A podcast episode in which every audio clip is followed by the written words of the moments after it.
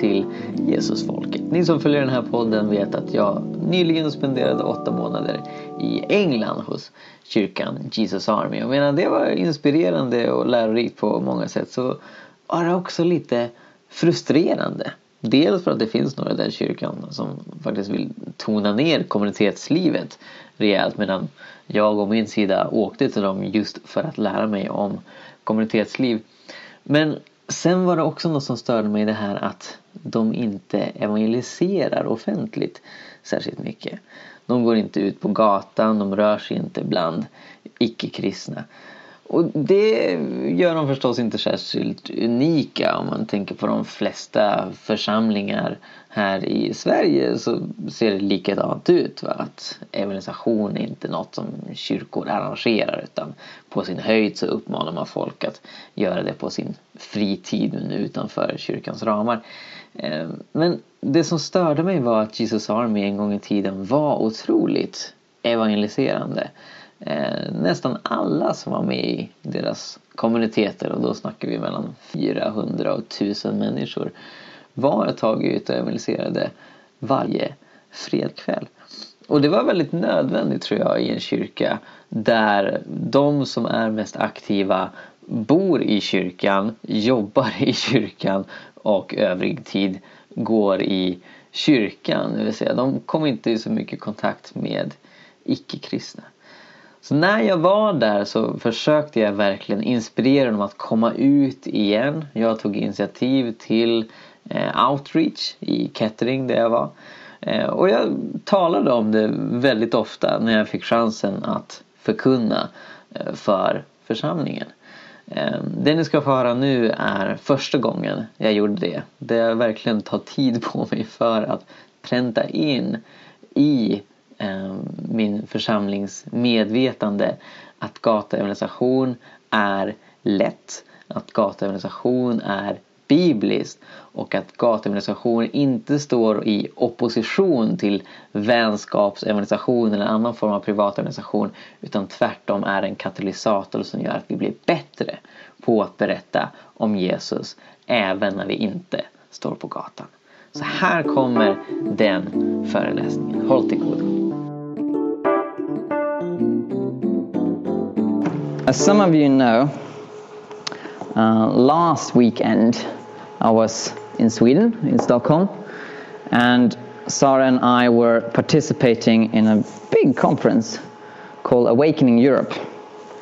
It wasn't the first time that conference was given. Um, the first time was last year in Nuremberg in, in Germany. Um, but the vision of those who arranged this conference uh, was that um, Europe needs revival. And so this is a picture from there. Look at that. 20,000 people gathered in the biggest arena in Sweden and to worship Jesus. And I was very encouraged to see the focus on the gospel, the focus on the name of Jesus, what he has done for us, and the focus on evangelism. And so this conference managed to do something that I've never seen before, uh, that I've longed to see, that I even tried to do last summer, but miserably failed. And that was getting most of those who attended the conference out on the street to share the gospel. So last summer, I and a friend of mine, we were responsible for the evangelism at the Torp conference, uh, which before this came was the biggest Christian conference in Sweden. So about 10,000 people gathered uh, on the countryside in the middle of Sweden, and they have done so for 127 years. But they have never evangelized. So we were going to introduce evangelism my friend Samuel, he has founded the Pancake Church, which is a great evangelistic organization. Um, so we made some preparations and, and, we planned how to get hundreds of people from the conference uh, downtown to a city called Örebro, where we could evangelize together. And we didn't expect most people to join us. we didn't expect even 1,000 people to join us, but we hoped for a couple of hundred for starters. It, it was the first year. The first time we went out, one person joined us. Right? One person out of 10,000. Okay. This conference, they managed to get at least, well, according to what I read in the news, 5,000 people. But I think it was much more than that. And, and it was amazing to see uh, how they did it. The key was really um, that, unlike the conference I participated at at the summer, they emphasized um, you can do it, everyone can do it, this is for everyone. And they didn't have other activities that were distracting people, but everyone was supposed to go out, so they had nothing else. It was either evangelism or nothing. And they had a guy called Chris Overstreet uh, from Bethel Church in the United States preach for 30 minutes about boldness and how God can grant us with boldness. And we got to practice with each other, sharing our testimony. All right, so at least 5,000 people went out uh, to the city of Stockholm for not more than two hours. But God did so many things while we were out there. So here are some testimonies that Awakening Europe published on their website. Uh, we just want to report that three Buddhist girls were weeping the first night of Awakening Scandinavia. All three received Jesus. Um, a young man walked up to six or seven young guys in a park. He asked the group, Have you experienced God? They said no, but were open to prayer. As the guy prayed, one of the young men suddenly shook and fell to the ground. He got up in shock, and after this, he received Jesus. And a man named Tom saw two men hugging and crying outside the arena. He went to them, and one of them, who was from Iraq, said, I've been here for two years and never heard about Jesus. I got invited here. Now I'm a Christian. So it's, it's really amazing to see what, what can happen um, when we go out, right? Now, I have a question for you. This is Herod's temple in Jerusalem. It's not there anymore. They got a mosque there now. But at the time of Jesus, this was what you saw when you were in Jerusalem. The temple built to the glory of God, the center of Jewish spirituality. The Bible says the Christians went there. The apostolic church in Jerusalem went to the temple every single day. I want to ask you, why? Is it in their heritage to do God? Yes, exactly. They were Jews themselves, and so they were used to go to the temple. Any more thoughts? Maybe they saw, which was the case, that in the temple they could witness to Jesus. Hmm. The suggestion that it was a big enough place for them all to gather, with a bit round the back where they could have a special Christian service. Yeah, yeah. I should emphasize that when I say that they went to the temple, I don't mean that they went into the temple because they couldn't. Uh, only the high priest was allowed to go into the temple. So, as Mike points out, they gather on the temple courts, and it was a big place, very big. So they could fit three or five thousand people there.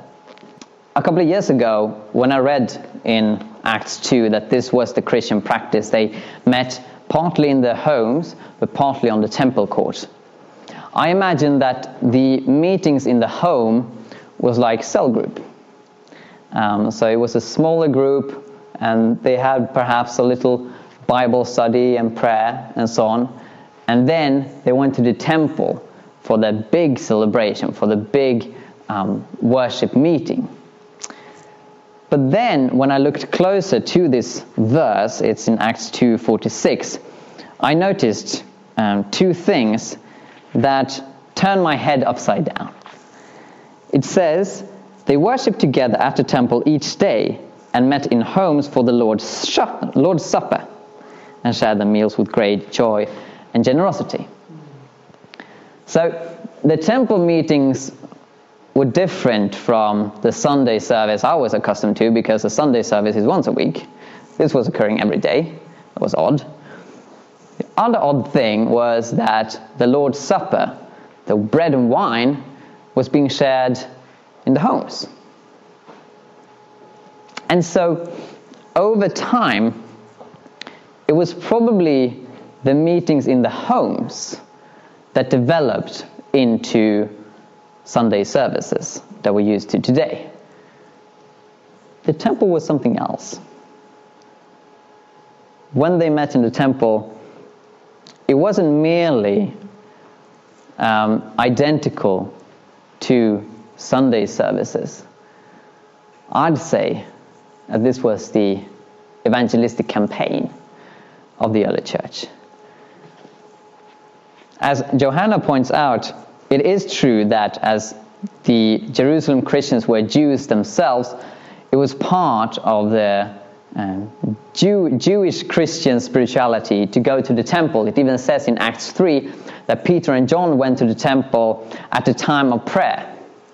And presumably, they prayed along. so, of course, there was the aspect of the temple um, being the center of um, worship of the, of the God of Israel. The Christians participated in that because they didn't see such a clear conflict between Judaism and Christianity. They saw themselves as um, Messiah believing, that's exactly what they were. But even when they went to the temple to pray, they couldn't help but evangelize a little. So we read about how they went by a beggar who asked them for some money. Peter didn't have any money on him because he had given all to the common purse, but he healed him in the name of Jesus. People gather around because they were surprised to see this lame man walking, and then Peter proclaims the gospel and gets arrested for it. He eventually gets liberated, but um, and, and with a warning that they shouldn't shouldn't preach about Jesus. Um, but he and the other apostles and Christians uh, gladly ignores that. And in chapter 5 of the book of Acts, they're imprisoned once again. Now, God steps in to help them. He sends an angel to free them. And so, that angel says, Go to the temple and give the people this message of life. So, God, through this angel, says that he wants them to evangelize in the temple courts. So I think it's quite fair to say that it was one of the primary motives to go there. It says later on in verse 42 of, of Acts 5 Every day in the temple and from house to house, they continued to teach and preach this message Jesus is the Messiah. They preached and taught the gospel, both in the homes as well as publicly. And have you ever seen videos and photos from these big campaigns in Africa, for example? Reinhard Bonnke and similar evangelists that gather loads of people. I imagine the temple meetings were quite similar as that. Obviously, not everyone were preaching at the same time. I mean, 3,000 people preaching at the same time would be, would be hard to hear uh, even one of them, right? So, so, you know, presumably there were a couple of people who, who preached, but everybody joined. And th- this was part of the Jerusalem church life. That's literally what it says in Acts 2. Everyone went to the temple every day. Someday perhaps you know somebody had to do the washing up or somebody had to take a donkey to another city. But uh, you know generally this was what was expected. This was a, a, daily occurrence something that was going on and part of church life to proclaim the gospel publicly. And even if not everyone were evangelists or apostles everybody could join. Now only jerusalem had a temple uh, all the other cities in the Roman Empire where there were Jews, they didn't gather in temples, they gathered in synagogues. I don't know if I pronounced that correctly. but I do synagogues. I think a year ago I said synagogues or something like that, in, and, and people commented on a video I made. All right. So, for example, uh, the Apostle Paul, when he goes to different cities, he goes to the synagogue and he preach the gospel there, which is interesting, right? And again, Paul was a Jew. I'm sure that uh, when he went to the synagogue, it was partly because that was part of his Jewish spirituality um, to pray and worship together with other Jewish believers in the God of Israel. But it's quite clear, and I've, I've looked this through, every time in the book of Acts, when Christians go to the synagogue, they evangelize. Every single time.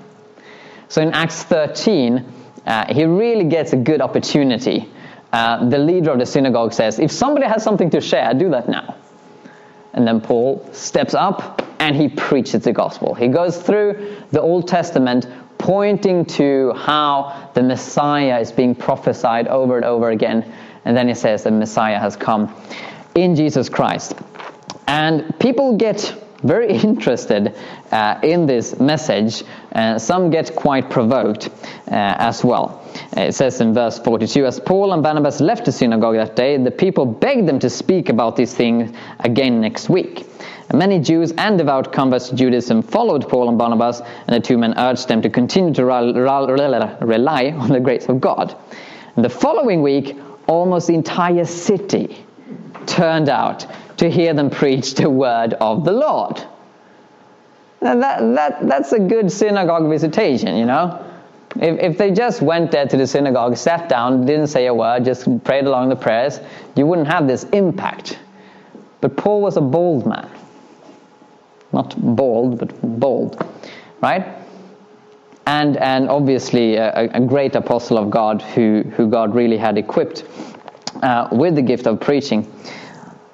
Then, sometimes they were not allowed to go to the synagogue. So in Acts 19, we read how Paul ministered in Ephesus, uh, which later on became uh, um, the, the basis of a quite influential Christian church. It says in Acts 19 Paul went to the synagogue and preached boldly for the next three months, arguing persuasively about the kingdom of God. But some became stubborn, rejecting his message and publicly speaking against the way. So Paul left the synagogue and took the believers with him. Then he held daily discussions at the lecture hall of Tyrannus. And this went on for the next two years, so that people throughout the province of Asia, both Jews and Greeks, heard the word of the Lord. Now, this passage is so interesting. First and foremost, it says that when Paul was forbidden to preach in the synagogue, he took the disciples with him.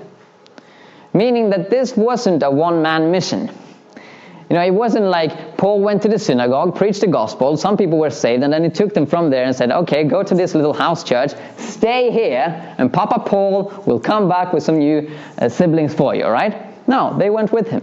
Something that they all participated in probably was a main preacher around him, supporting him, praying, praying for others. You know, if you might have a question afterwards, you can try to answer that. It was communal. It was something that the church did together.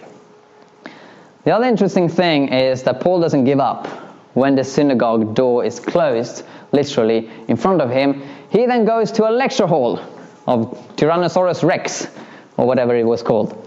And there he preached every single day for two years. So that the whole province of Asia heard the word of the Lord. Now that is amazing, but, but I'm, not, I'm not surprised to be honest. You know, imagine if you live in Ephesus, and this was a, a city where a lot of people came and traveled and, and uh, traded in. And you go to work, and on day 462, Paul still stands in that lecture hall preaching about Jesus. It's impossible to ignore. You know, in, in Sweden, we've had um, visitors from Romania and Bulgaria uh, coming begging on the streets. And this has been um, you know, one of the main debate topics in the news Uh, some people think that they're annoying and you know, begging should be banned. Other, like me, wants to help them and bless them and make sure that they are lifted out of poverty. But this has been, you know, an issue that has been thoroughly discussed in all kinds of medias, in all kinds of local newspapers, everywhere. And then I saw the statistics of how many of these Romanian and Bulgarian immigrants we've had. It's 5,000. 5,000 in a country that's bigger than the UK. Uh, we don't have as much many people though. We have 9 million. But it's it's it's baffling that, you know, such a small number of people can become this huge issue. But I think it's, it's because they are visible. They're publicly visible, and their message, we want money, hello, thank you very much, that has really gone through. Many of them are Christians as well. Some of them have evangelized, but obviously that's not their main thing to do. But what if they had? What if their main message had been Jesus is Lord and they sit outside every grocery store saying that Jesus is Lord? Everyone would have known. Every single one. And, and yeah, so I'm not surprised that this was Paul's result. I want to read uh, one more passage from Acts 20 uh, where he summarizes his ministry uh, in Ephesus. And he says, I never shrank back from telling you what you needed to hear, either publicly or in your homes. I have had one message for Jews and Greeks alike the necessity of repenting from sin and turning to God and of having faith in our Lord Jesus. So you see this duality both in Jerusalem, homes and the temple, as well as uh, in Ephesus, both the homes and publicly. And I think this is why we need to adapt the term service um, to a biblical usage. You know, I remember going to church as a kid, and this was before I was a Christian myself, but my father was a priest in a Lutheran church. And I said to him, Dad, why is it called Sunday service? And he said, Well, it's because we serve God, little man. And I, I remember thinking to myself, No, we don't. I mean, maybe the priest serves, because, you know, he gets to do something.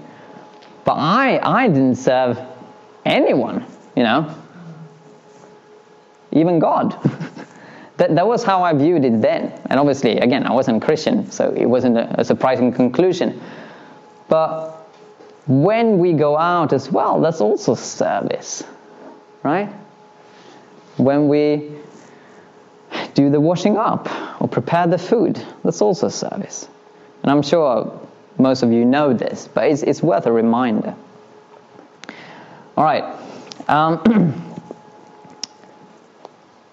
a friend of mine um, back home in Sweden, uh, who is a pioneer in the house church movement there, he wrote a blog post a couple of years ago where he stated uh, nowhere in the New Testament is the word preaching used uh, when you communicate a message to Christians.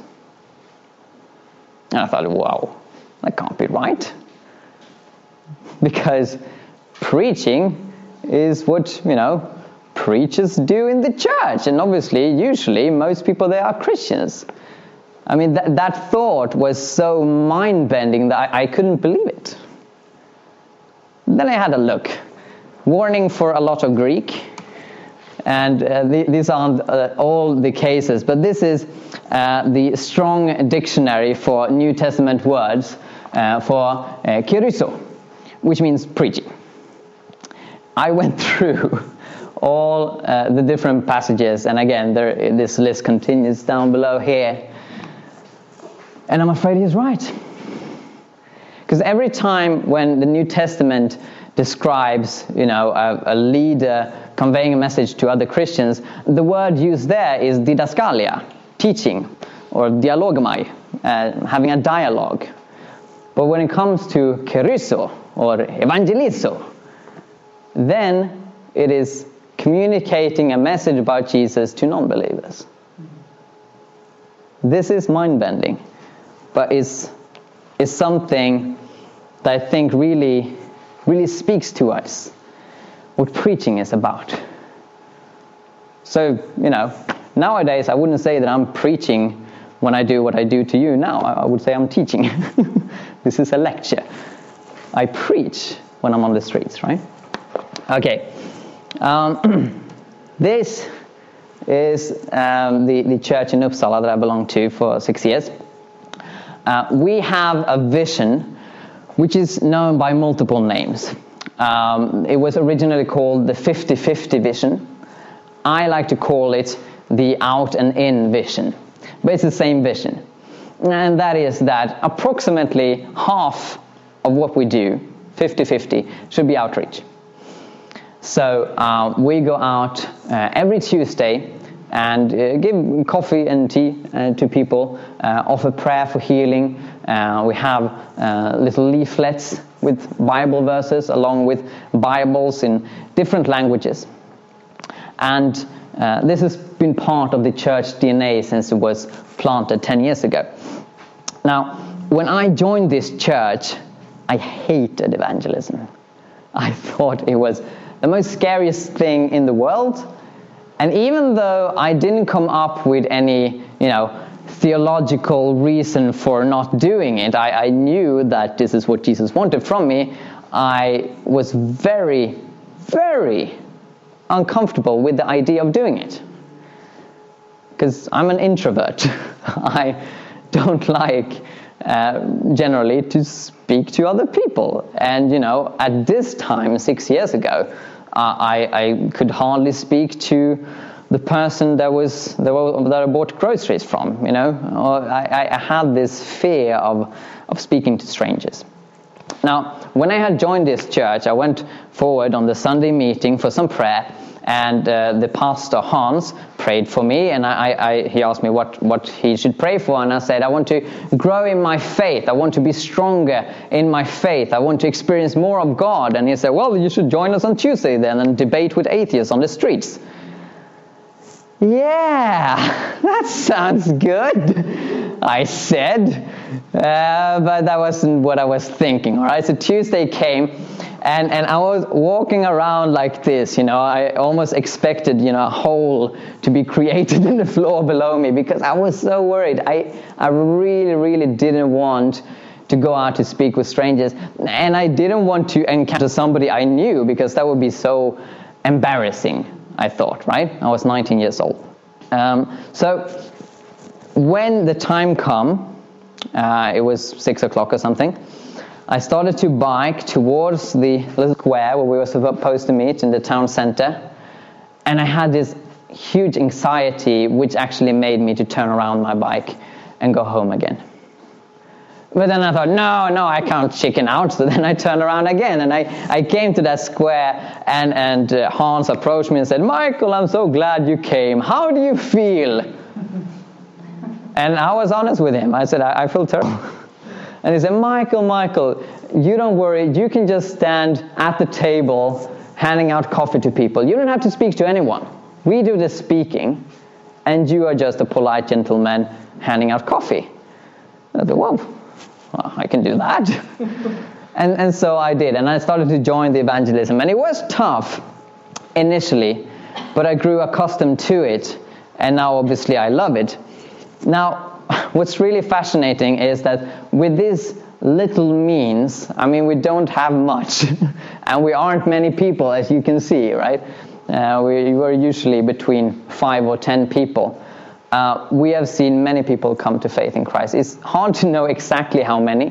One time, a man emailed us from the United States, and he said, "Thank you for the Bible. I'm a Christian now." And we didn't even remember him. but he, he wrote that he had received some coffee. We talked to him about God. He, has, he had received a Bible. He read it on the plane back to the United States, and he was saved. Another time, uh, there was a, a, woman called Elin, and uh, she's also an introvert and very, very shy. Um, she was uncomfortable with doing the evangelism, but she knew that it was the right thing to do. So she was standing uh, out on the streets and, and she had given some coffee and a cinnamon bun uh, to another woman who was standing in front of her. And she was having this internal struggle, thinking, what, what should I say to her for her to, to get what the gospel is about, for her to hear about Jesus. And she didn't find any natural way of shoehorning Jesus into a conversation. So, so she was feeling a lot of anxiety because of this, and she felt that you know time is running away, and she's almost finished her little bun. So she said, "How did you like the bun?" and the lady said, "Oh, it was tasty, but." Who are you and why do you do this? Well, we're at church. Are you at church? You believe in Jesus? Yeah, that's what churches typically do. Oh, tell me about him. And to make a very long story short, that lady was saved. So Elin's husband uh, got to connect with her and continue to talk to her uh, during a, a, period of a couple of weeks, and then uh, she received Christ. So um, another uh, initiative that I mentioned is the Pancake Church, uh, which is splendid. It's, it's, it's marvelous. It's 10 years old now, uh, so it's, it's as old as I am spiritually. Uh, I was saved in April 2006, and then that summer the Pancake Church was born. So um, this is obviously an evangelistic ministry that hands out free pancakes to people and shares the gospel with them. And there are countless testimonies of what God has done, but I just want to share a few. Uh, I was out uh, with the Pancake Church uh, two years ago. Uh, in the early spring, we're out all year around, so even if it's winter and cold, we go out and hand out warm packets to people. So, so we were at the central square in Uppsala, and um, um, there were two young men uh, approaching me, and they asked me what this was all about. What was the Pancake Church? And I explained that we want to share the love of God through heaven and pancakes. And uh, they were interested. In fact, one of them said that he wanted to, um, that he was going to be baptized. Uh, so he had received Jesus and he was going to be baptized. And, and the other guy said, Yeah, he's going to be baptized. I'm not because I don't believe in God, but he is. So that's good, right? For you, not me, because I'm not a believer. He, he really made it clear that he didn't want to believe in God. But I, I praised the Lord and I asked him when he was going to be baptized and just, you know, blessed him. And uh, in fact, I, I became uh, Facebook friends with both of these lads before we uh, separated. So then a couple of months later, uh, as you may know, I'm an active Facebook user. I've, I've been promoting the uh, summer tour that the Pancake Church goes around to different festivals in the summer. Uh, so then uh, a young man calls me and says, Hi, I want to join this Pancake Church tour. Can you help me because I don't know how to register on the website? And I thought to myself, this is the guy who wasn't a Christian. yeah, yeah, you go to this website, you do this and that, and so on. And so the, the summit tour came. I was one of the leaders. And uh, this guy, Andreas, uh, steps up uh, at, at, the door. And, and I, I remember thinking, oh, yeah, maybe I should have mentioned to the other leaders they will have a non-Christian on board. Um, but I, I, had forgot to do that, so I, I, did that that same evening. Yeah, by the way, An- Andreas is not a Christian. Oh, great, wonderful. Let's lead him to the Lord, yeah? So that was an easy fish to catch. It just went three or four days, and so he received Jesus. And the amazing thing was that less than 24 hours after he had received Jesus, he went out together with us others. So, you know, he, he didn't imagine himself that now I need to study for 30 years before I can go out. He did like the early disciples, they went with Jesus uh, immediately, and he was baptized in the Holy Spirit when we were out on the streets, uh, which was amazing to, to see. Um, he, he was weeping and he said, I can't believe that I would believe.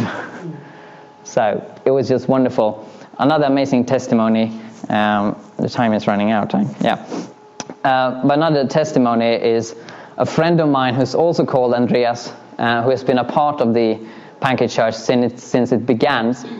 Uh, he was out a couple of years ago, um, in again in Uppsala, and he encountered a man who didn't believe in God, but found these kinds of things interesting. So they talked a bit about spirituality and then Andreas asked if he could pray for this man, which he could. Uh, so he prayed for him, and uh, the man thanked him, and then they, uh, he went away, and they didn't see each other after that. Now, Andreas, uh, what's the word? His brother's wife? You know what I mean? Sister-in-law. Sister-in-law, yes, yes, that's the one. Uh, Josephine. Uh, she was uh, sitting at a computer having a boring time, so she thought to herself, let's Google pancake church and see what happens. So she did so, and she found a blog where the man that Andreas had prayed for was writing. And he was writing something like, uh, Today I encountered something weird called the pancake church. They gave me pancakes and talked about God. And he described how Andreas had prayed for him and how Andreas prayed for things specifically in his life that he hadn't even shared to his family. So, very personal things that he was going through. Um, and of course, he didn't reveal what it was, but it, it was some things that you normally don't pray for that Andreas had picked out uh, from the Holy Spirit and prayed for. And, and that experience had been so powerful that this man realized that there is a spiritual reality. Now, unfortunately, um, he came to background. So spirituality, from his perspective, you know, included amulets and kundalini and reiki and tarot and all, all, all those things, right? So he described in this blog entry how he went home and he gathered different amulets and different uh, things and, and, you know, placed them on a, on a table before him with some candles. And he started to, you know, invite spirits. And when Josephine had been reading this far, she thought, oh, no, what have we done? We, we have led a person to New Age. That, that wasn't the purpose of our evangelistic ministry. But fortunately, the story doesn't end there. So he invited spirits to come, and they came. And he felt a very troubling, um, uncomfortable presence in the room. And by that point, he realized that what Andreas had been speaking about wasn't spirits in a general sense, it was Jesus. So then he gathered some Bible. I think he had received a Bible, uh, a New Testament copy uh, from Andreas, as well as some other Bibles that his parents had, you know, laying around with a lot of dust on it. So he, placed three or four Bibles before him, and then he prayed, Jesus, if you exist, remove this uncomfortable presence in this room. And then, according to this blog entry, a wind was blowing, uh, all the candles were lit out, and the Bibles were opened up, all to passages where Jesus cast out demons. But he ended the blog entry with saying, I'm not going to become super Christian. That's, that's a general thing we hear from the street, all right? Uh, I want to end with this.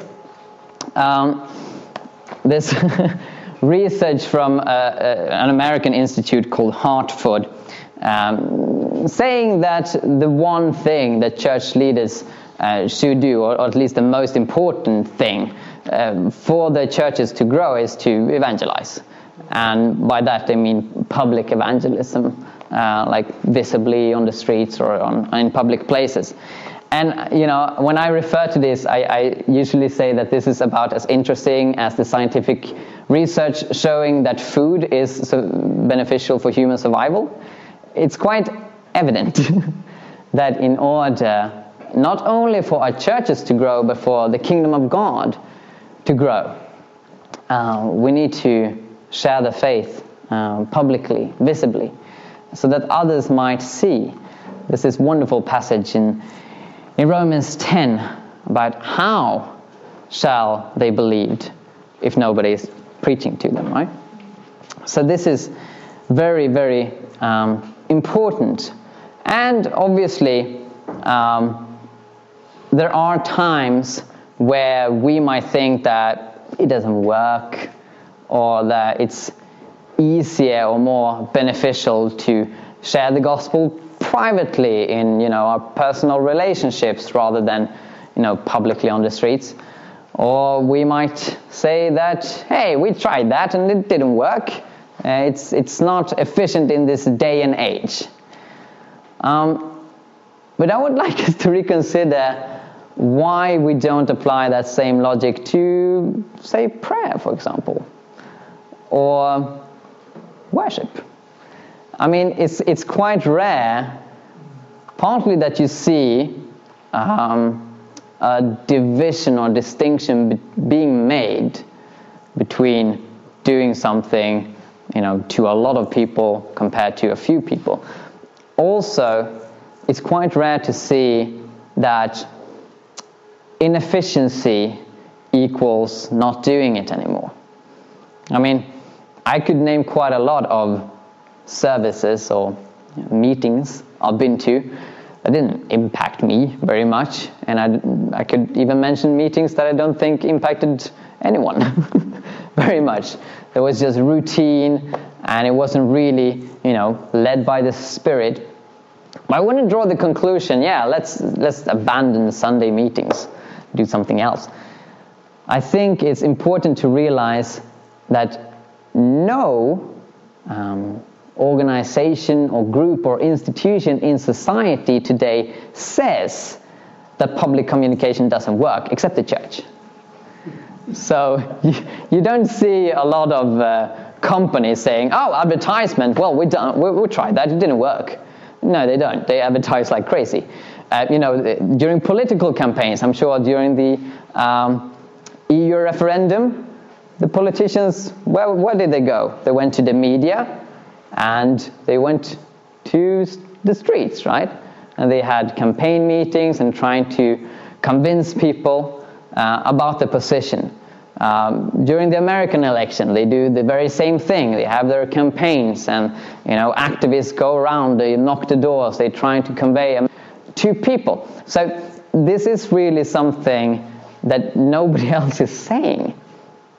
And even from my own experience, I have learned that just taking my own journey along with the journeys of others that I know, when I evangelize publicly, not only do I reach other people with the gospel, but I am trained as a disciple. I have become much better and much more comfortable with sharing the gospel to my family and to non believing friends when I've been trained uh, on the streets. And so that's why I think that it's needed and I think that it's, it's beneficial um, for us all. So, um, yeah, that's what I plan to do the rest of my, my training year and I, I want to invite you all to, to join us. But most importantly, obviously, uh, I shared with you how I myself did feel very uncomfortable with doing this, and I know that a lot of people does feel that way. As I prayed initially, a key to getting more comfortable in sharing the gospel is realizing um, the greatness of our own salvation and how how natural it should be to share these news with others. If we can tell someone about uh, what we think about clothing or what we think about the weather, we should be able to also tell them what we think about God. And also what, what they ought to do if they want to have eternal life, which I hope most people do want. So, just as Chris Overstreet prayed for boldness, I think we should pray for that as well. In all kinds of situations we might find ourselves in, not only on the streets, but in, in any situation. And I think it is important for a church like this, where a lot of people um, work in the church's own businesses. Um, it's not um, it's not always the case that we do meet a lot of non-believers in our daily lives, and that's why I think um, some kind of organized public evangelism would be beneficial uh, for us to reach out and um, train ourselves and share the gospel with others. Um, so I would like us to pray for boldness, and I would also like us to pray for an even deeper insight in what Jesus has done for us in the glories of salvation. All right? So I'm going to start with praying here from the front, and then if we could group two and two. And it's also um, possible to share other um, prayer subjects that we would like to be dealt with. All right? But let's pray. Father, I thank you for your glorious salvation. I thank you, Lord, for um, the amazing sacrifice you did for us. I thank you, Lord, for eternal life. We don't deserve it, uh, we haven't worked to get it, but you, Lord, in your grace and in your love, have provided it for us, and we are so grateful for that. I pray once again, Lord, that the insight and the knowledge about your atonement and your salvation will grow deeper in us. I pray, God, that we might grasp the length and the breadth and the height of your love that provided for us such an amazing gift.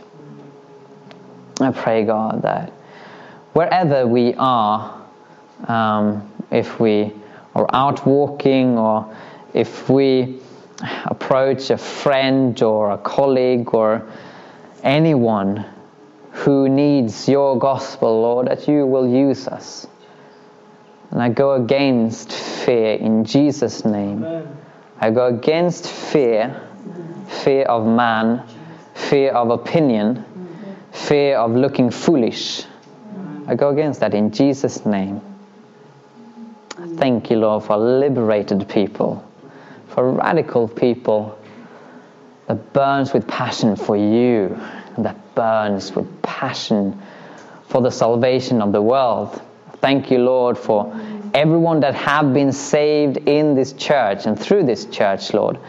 Thank you, Lord, for the amazing work that you have done through the Jesus Fellowship. And I pray for many glorious years to come, Lord, until you come again, might this church be a beacon of hope for your kingdom, Lord, and for the salvation of the world.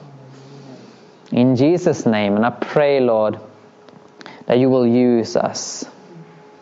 Mm. I pray that evangelism will grow in Kettering, not only in this church, but that other churches as well may take their Christian responsibility to reach out, Lord. And I pray, God, that we will see an awakening in this town. You love Kettering. You love Kettering so much, Lord. You love all the people here. And I pray, God, that we might see what you have done previously in Wales, in uh, Los Angeles, in the Congo, in China. I pray, God, for revival. And I pray, God, that you will prepare us for that I pray, God, that you will use us in that. Because with you, nothing is impossible. With you, there is always hope for new beginnings, for new awakenings. Mm.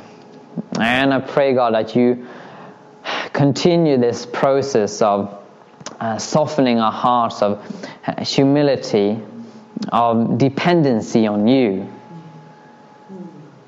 But also pray, God, that that will lead into renewed and refined freshness in our zeal for you and for, for evangelism, Lord. So come, Holy Spirit, fill our hearts with your presence, with your power, with your love. Fill us with your gifts and fruits. Hmm and use us mightily. Thank you, Lord, that you can do even more than we can pray for, even imagine, Lord. Thank you, Jesus.